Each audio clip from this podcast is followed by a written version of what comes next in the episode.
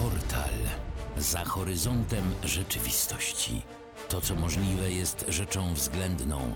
Na audycję zaprasza cech fantastyki Skierkon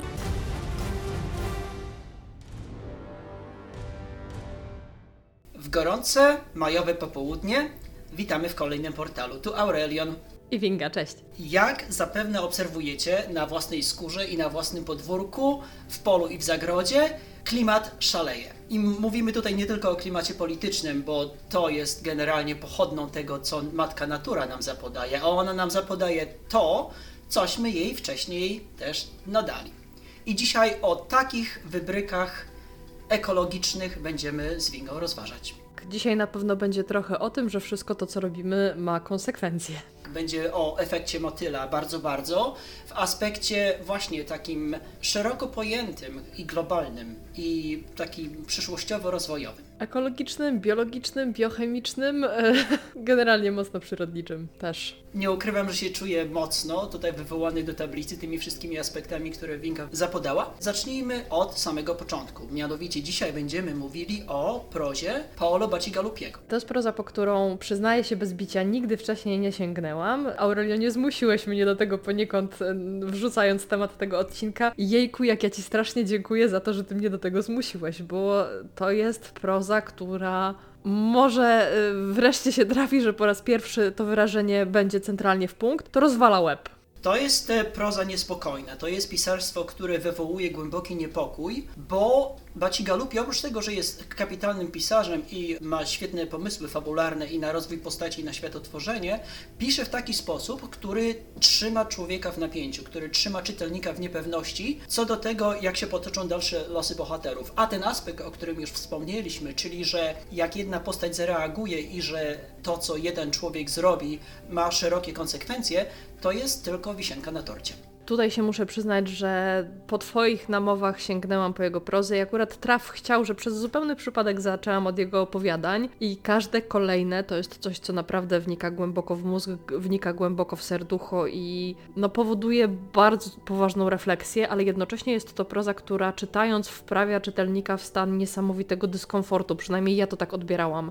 Y, Mamy tutaj do czynienia z czymś, co może czekać ludzkość, jeżeli będziemy postępować w określony sposób i to naprawdę nie jest coś, co ktokolwiek by chciał, żebyśmy do tego dobrnęli. To jest proza oparta niestety na faktach. I Bacigalupi, który pochodzi przecież z głębokiej pustyni, bo mieszka w takim miasteczku na zachodzie Colorado, tam gdzie klimat jest ostry, tam gdzie następuje pustynnienie de facto, jak ja tam kilka razy rocznie jeżdżę i patrzę co się dzieje, to tak, to jest tak naprawdę pustynia już w tej chwili. On, mieszkając tam przez całe życie, oprócz swojego okresu studiów, miał okazję na własne oczy obserwować, co się dzieje, kiedy zaczyna brakować wody, kiedy rośliny i zwierzęta zaczynają wyginąć, zaczynają opuszczać te miejsca, gdzie ludzkość istnieje. Więc to są problemy, które tam już postępują, a wreszcie świata postępują w sposób może mniej zauważalny, może mniej taki, który przyciąga uwagę mediów wielkoformatowych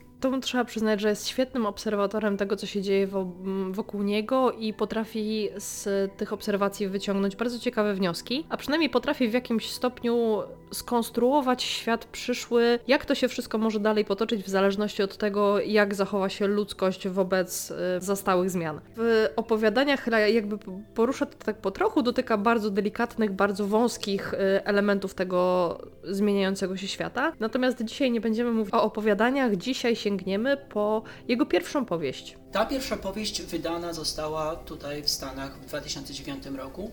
Na polskim rynku ukazała się w 2011 roku. To jest powieść pod tytułem Nakręcana dziewczyna i ta nakręcana dziewczyna jest postacią no, faktycznie występującą w tej powieści. Nakręcana jest e, słowem kluczem tutaj i musicie doczytać sobie w książce o co chodzi z nakręcaniem i o co chodzi ze sprężynami, bo to jest element spoileru fabularnego. Natomiast jeżeli chodzi o samą powieść, tak jak wspomniałeś, wydana w 2009 roku, w 2010 roku tą powieścią Bacigalupi zdobył nagrodę Hugo. Co ciekawe, to był jeden z tych nielicznych przypadków, kiedy nagroda Hugo została przyznana ex aequo. Tutaj drugim laureatem była powieść Miasto i Miasto y, Miwiela.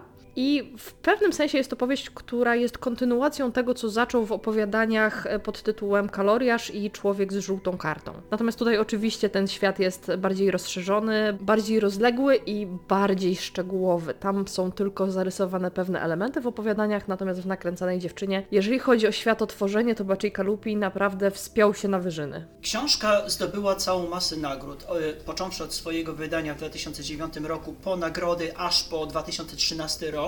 I tych nagród na arenie światowej tak naprawdę zebrała równy tuzin.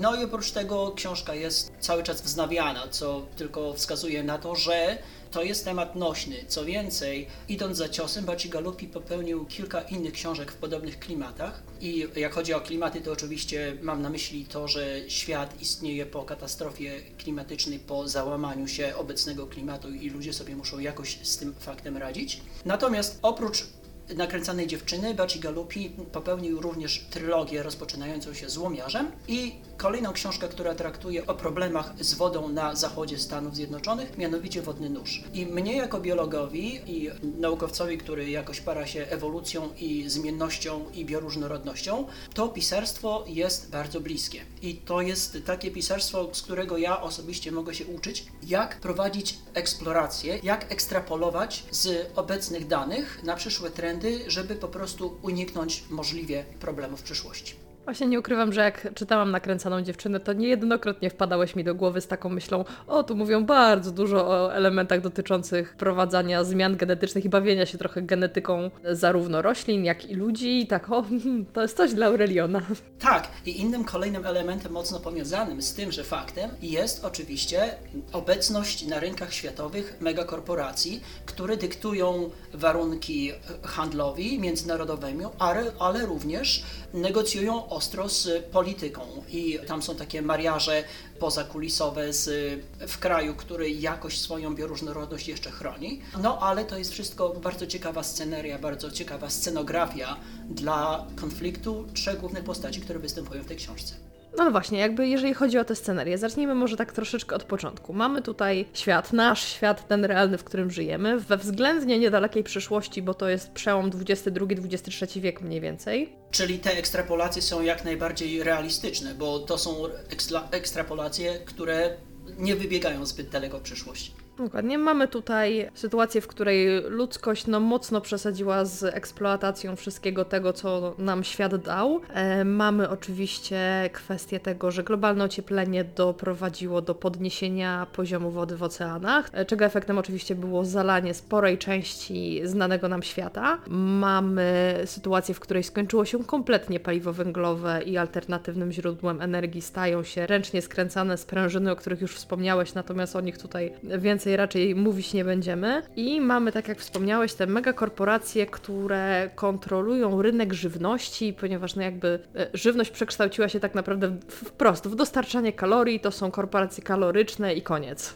Tutaj ukłonem nawiązujemy również do wszystkich zwolenników teorii spiskowych, no bo przecież COVID to była podpucha korporacji, które wypuściły zmodyfikowanego wirusa, żeby później sprzedawać szczepionki. I to jest zjawisko, e, na którym Bacigalupi też żeruje w tej książce, mianowicie te megakorporacje wypuszczają co kilka lat patogeny, które powodują choroby na uprawach, ale również, żeby się, głównie w tym celu, żeby ich nasiona, które są zmodyfikowane genetycznie z odpornością na te patogeny, sprzedawały się lepiej. Światem rządzi biotechnologia właśnie jakby trzymana ściśle przez te wielkie korporacje, które kontrolują produkcję żywności, wykorzystują do tego, tak jak wspomniałeś, schalkowane genetycznie nasiona, plus bawią się różnego rodzaju elementami, wypuszczają po prostu plagi. Powoduje to oczywiście powstawanie nowych szkodników, które niszczą uprawy, etc.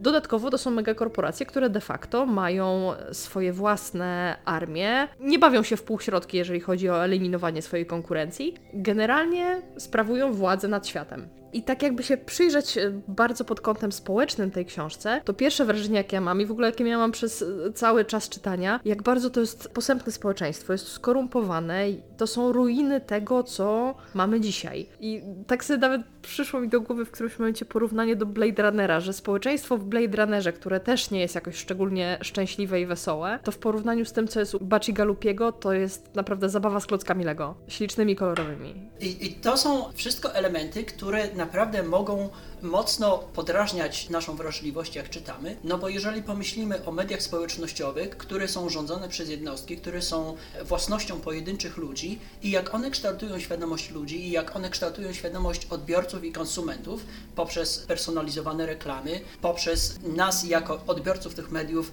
dobrowolnie oddających elementy naszej, naszej prywatności, nasze zdjęcia, nasze dane osobowe do ich celów marketingowych, to są tak naprawdę rzeczy, które już w tym momencie przestają być zabawne. Jeżeli pomyślimy o tym, że nastąpi za kilkadziesiąt lat dalsza automatyzacja, dalszy rozwój w tych trendach, które aktualnie są takie topowe, no to obrazek przyszłości naprawdę przestaje być różowy i zaczyna być właśnie taki, taki mocno sepiowaty, tak jak okładka do nakręcanej dziewczyny. W całym tym świecie rządzonym przez korporacje, rządzonym przez korupcję, rządzonym przez tych, którzy trzymają pieniądz, mamy Tajlandię. Tajlandię, w której rozgrywa się akcja książki i która jest na swój sposób niezależna. Mamy Tajlandię, która zamknęła się na jakiekolwiek wpływy zewnętrznych megakorporacji, nie wpuszcza ich w ogóle na swoje terytorium, która posiada własny bank naturalnych nasion, o które megakorporacje po prostu marzą i to jest ich najważniejszy cel, żeby to zdobyć, żeby to przejąć. W związku z tym jest w stanie produkować żywność, która nie jest skażona, jak zmodyfikowana genetycznie.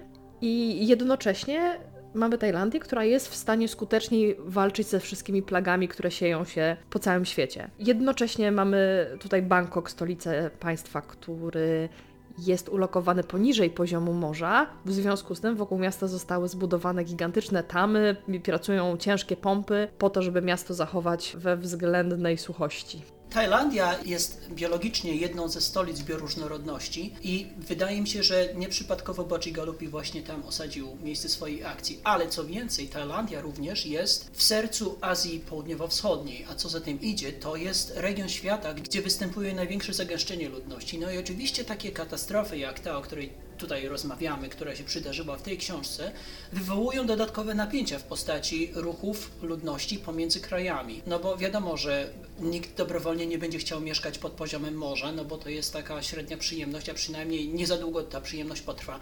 A co, co więcej, te napięcia polityczne też powodują, że wewnętrznie Tajlandia jest spięta i na przykład wspomniałaś o tym, że Tajlandia owszem jest niezależna biologicznie, niezależna żywnościowo, ale przecież nawet w tej Tajlandii następują gierki polityczne w postaci Ministerstwa Handlu i Ministerstwa Środowiska. Więc e, to jest dodatkowy element, który mi u Baci Galupiego się strasznie podoba, bo pomimo takiego globalnego oglądu na to, co się dzieje we świecie tak naprawdę, no bo przecież mówimy o globalnych megakorporacjach, widzimy tak jak przez soczewkę, co się dzieje w takim jednym, no relatywnie malutkim Bangkoku. Ale też tam wewnętrznie te problemy są zarówno właśnie na skalę taką międzynarodową, jak i na skalę mocno wewnętrzną. Tutaj jednocześnie odnoszę takie wrażenie, że Baci Galupi przedstawił tę Tajlandię troszeczkę jako ten naród zwycięzców w pewnym sensie. Pomimo tego, jak ponury i jak przerażający jest to świat, to takie odnoszę trochę wrażenie, że to jest opowieść trochę o odkupieniu poprzez zachowanie swojej niezależności, że to, że oni nie wpuścili tam tych megakorporacji, że to, że zachowali swoją odrębność i próbowali sobie radzić z sytuacją na swój sposób, jest próbą przekazania, że tak się powinniśmy zachowywać, żeby zwyciężyć. Jakby mówię, to jest bardzo subiektywne odczucie. Nawiązujemy do mesjańskości Adama Mickiewicza.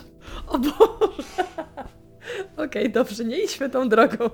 Ale w ogóle ta Tajlandia Galupiego ma dla mnie jeden element, który zafascynował mnie totalnie. Czytając tę książkę, ja naprawdę miałam wrażenie, że ta wilgoć powietrza, która się w tym Bangkoku, w tym mieście pod wodą niemalże znajduje, że ona faktycznie wychodzi z kart tej powieści. Że czyta się to i to jest nie tylko e, jakby klimat samego kraju, klimat samego terytorium, ale to jest też de facto klimat społeczny tego, co się tam dzieje. Jest taki ciężki, jest gorący, że to wszystko zaraz się albo rozpuści, albo wybuchnie. Miałam takie wrażenie, że to jest klimat bardzo przytłaczający. Tak, to jest element, może też również. Kosztu narracyjnego Baciga Lupiego i wydaje mi się, że to dużo mocniej jest dostrzegalne w wersji angielskiej, bo wersję polską przeczytałem, jak tylko okazała się na rynku, jakoś szczęśliwym trafem zgarnąłem spółki w księgarni.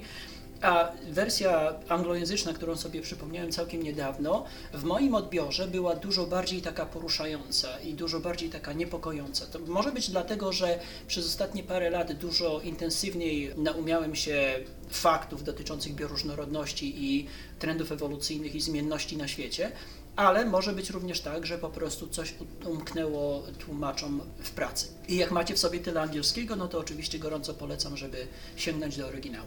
I nie tylko tej książki zresztą, bo Baci Galupi jest znakomitym pisarzem i niezależnie od tego, którą z tych książek, o których mówiliśmy, weźmiecie do ręki, to jest gwarantowana jazda bez trzymanki. Tu ci muszę przyznać zdecydowanie rację, zwłaszcza, że z tą książką chyba jest tak, że nie da się koło niej przejść obojętnie możesz mieć z nią relację albo love it, albo hate it. I jakby ch chyba tutaj nie ma możliwości pośrednich. Można albo naprawdę wczuć się w ten klimat, zrozumieć go, poczuć go, albo odrzucić go praktycznie z miejsca i wtedy jakby nie brnijmy dalej na siłę. Zwłaszcza, że to nie jest książka dla każdego, tak jak wspomnieliśmy. Ona wzbudza niepokój, ona wzbudza dyskomfort, ona jest mocno przytłaczająca, a jednocześnie jest napisana dosyć trudnym językiem. Nawet jeżeli nie weźmiemy się za wersję angielską, tylko będziemy czytać to w polskim przekładzie, to jest tam dużo neologii neologizmów, jest tam dużo wtrąceń e, słów azjatyckich, dużo nowomowy i generalnie jest napisana dosyć trudnym językiem, więc to na pewno nie jest łatwa i lekka lektura, którą możemy sobie, nie wiem, przeczytać w weekend tak o po prostu ale na pewno jest to książka, która daje do myślenia i to daje do myślenia bardzo mocno. Mam kilka takich wniosków, które mi się po niej nasunęły, i pierwszym z nich jest to, że co z tego, że mamy sytuację, w której świat naprawdę przeżył gigantyczny kryzys, próbuje się z niego odbudować, ale jakby donikąd to chyba nie prowadzi. W momencie, kiedy ma się wrażenie, że ludzie absolutnie niczego się nie nauczyli. Nadal kierują nimi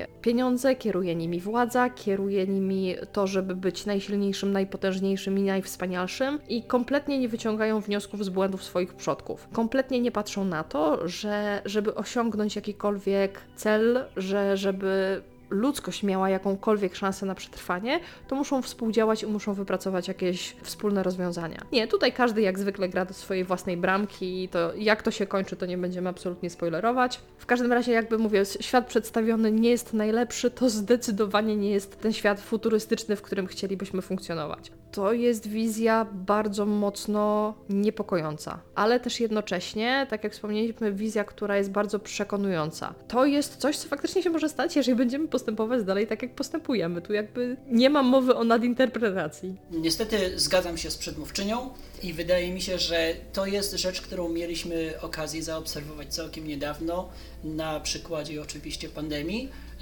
No bo znowu, to jest smutny obrazek tego, że pomimo tego, jak nauka mocno przed do przodu, pomimo tego, że mieliśmy doświadczenia sprzed wieku z, z Hiszpanką, no to oczywiście zachowywaliśmy się jak się zachowywaliśmy, bo były kraje, które y, chciały, prawda, utrzymać się nad powierzchnią wody nawet kosztem życia swoich obywateli, ale były też również takie, które ostro brały ludzi za mordy i y, starały się oczywiście po prostu przeżyć, a gospodarka owszem jest sprawą drugoplanową. I wydaje mi się, że w związku z tym Bacigalupi znowu był niestety prorokiem, no bo to przecież bo znowu książka z 2009 roku i w tym aspekcie warto się zapoznać z twórczością i warto zobaczyć, jak pojedynczy bohaterowie reagują wrzuceni do takiego gotującego się tygla z wydarzeniami.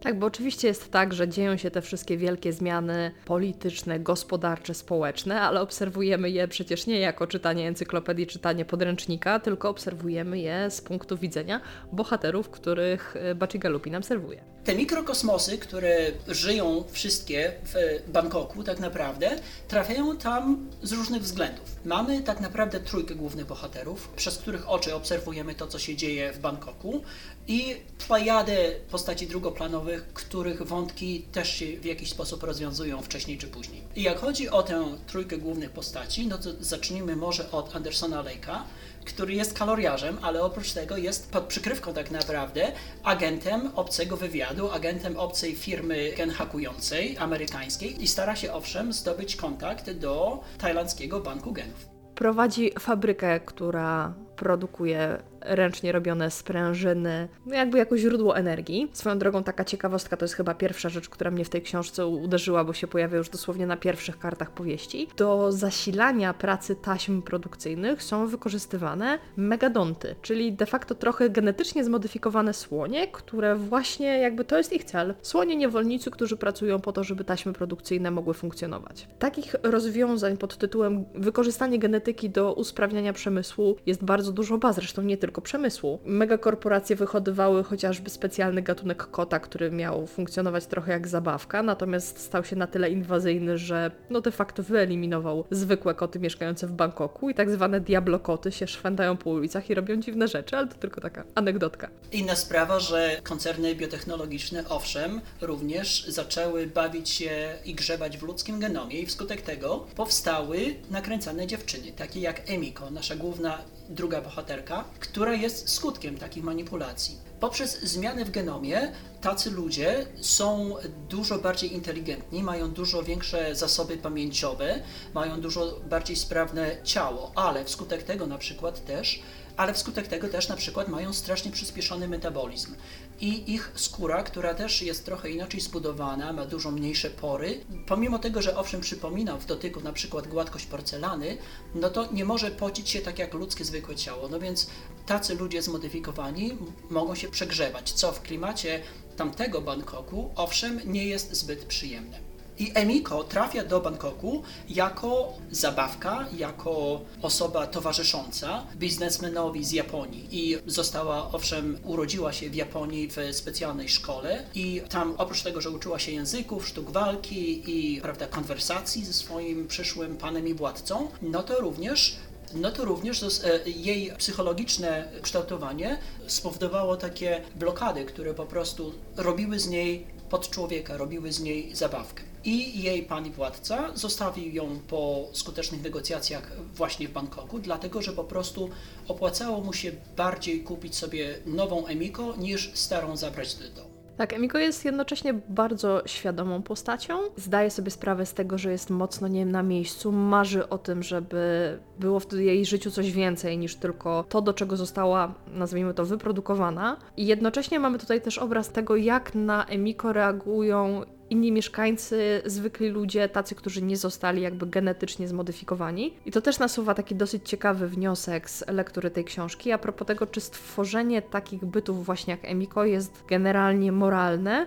czy też czytelnika, który zapoznaje się z tą postacią, będzie odrzucać. Widzisz, to jest, wydaje mi się, kolejny ukłon do tego, co się dzieje obecnie na świecie w związku z olbrzymimi ruchami migracyjnymi e, po obu stronach Atlantyku, ale również w samej Azji przecież. To jest element, który jest mocno zastanawiający. Znowu, jako naukowiec, ja mam swoją własną opinię, której nie będę tutaj propagował. To jest coś, nad czym warto się zastanowić, i, i to jest coś, czemu warto poświęcić na pewno chwilę namysłu. Tak, jest tutaj dużo o akceptacji nie tylko samego siebie, ale o byciu zaakceptowanym przez społeczeństwo i to można interpretować na bardzo wiele różnych sposobów, ale jakby tutaj kwestie interpretacji zostawimy pewnie raczej Wam. Trzecią główną postacią jest wojownik o prawdę i wolność. Tygrys z Bangkoku. Tak, on szczerze kły i pazury i przyczaja się z ukrycia, bo taki jest ten tygrys slash smog. I JD jest owszem członkiem Białych Koszul, czyli ugrupowania, które jest na usługach Ministerstwa Środowiska, które walczy o to, żeby zachować niezależność Tajlandii i na przykład patrolują zawartość importowanych kontenerów. No i oczywiście JD jest tą postacią, która tak naprawdę no, jest zarzewiem całego konfliktu, no bo zniszczenie takiego właśnie jednego podejrzanego transportu jest tą iskrą, która zapala całą książkę, jest tym wydarzeniem, które kulminuje pierwszy akt książki, no i potem koło się toczy, jak się toczy. To jest ta pierwsza kostka domina, która potem powoduje lawinę. I w, te, w tym momencie zataczamy koło, bo mówiliśmy o tym, że u Bacigalupiego owszem mamy ten efekt motyla mocno zarysowany i może warto też przyjrzeć się, jak działania JD'ego wpływają na los jego samego i na los jego rodziny. Ta trójka bohaterów, oczywiście z całą plejadą bohaterów drugoplanowych, którzy gdzieś tam również wpływają na losy całego świata i wszechświata, sprawia, że oczywiście czytelnik ma dużo bardziej personalny stosunek do tego, co się dzieje. Swoją drogą może się w którymś momencie nawet opowiedzieć za pewnymi rozwiązaniami, które bohaterowie stosują. Natomiast Baci Galupi mam wrażenie, że tutaj pokazuje, czym powinien być i jak naprawdę powinien wyglądać biopunk jako powiedzmy gatunek fantastyki. Widzisz, to jest ciekawe spostrzeżenie, bo ten gatunek fantastyki zaczął istnieć tak naprawdę zanim ukuliśmy termin fantastyka. I pierwszymi reprezentantami biopunku albo climate sci-fi czy cli-fi był już Juliusz Verne i jego książka Świat do góry nogami.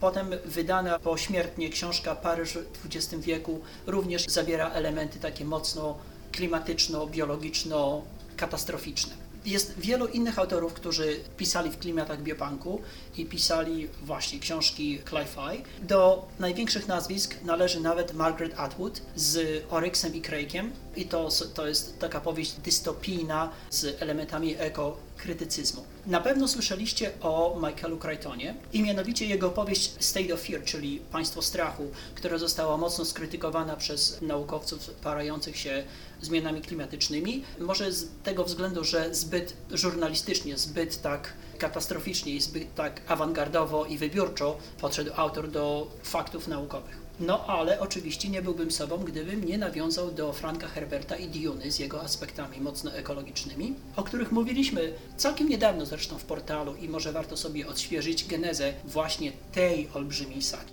Tak, zmiany klimatyczne na pewno są ostatnio ważnym i ważkim tematem, który również jako motyw literacki się przewija. Zresztą nie tylko w formie biopunku, ale również w formie solarpunku. Natomiast zarówno o jednym, jak i o drugim pewnie nieraz jeszcze będziemy w portalu rozmawiać. Zarówno pod kątem literackim, jak i pewnie filmowym, może również pod kątem gier wideo. Do tematu po prostu wrócimy. A tymczasem zachęcamy Was serdecznie do tego, żeby sięgnąć po archiwalne odcinki portalu, które znajdziecie zarówno na naszym kanale YouTube, jak i na Spotify i oczywiście na stronie skierkon.pl. Dajcie nam koniecznie znać w komentarzach, którzy z bohaterów i które rozwiązania fabularne podeszły Wam najbardziej w tej albo w innych powieściach Baciego Lupiego.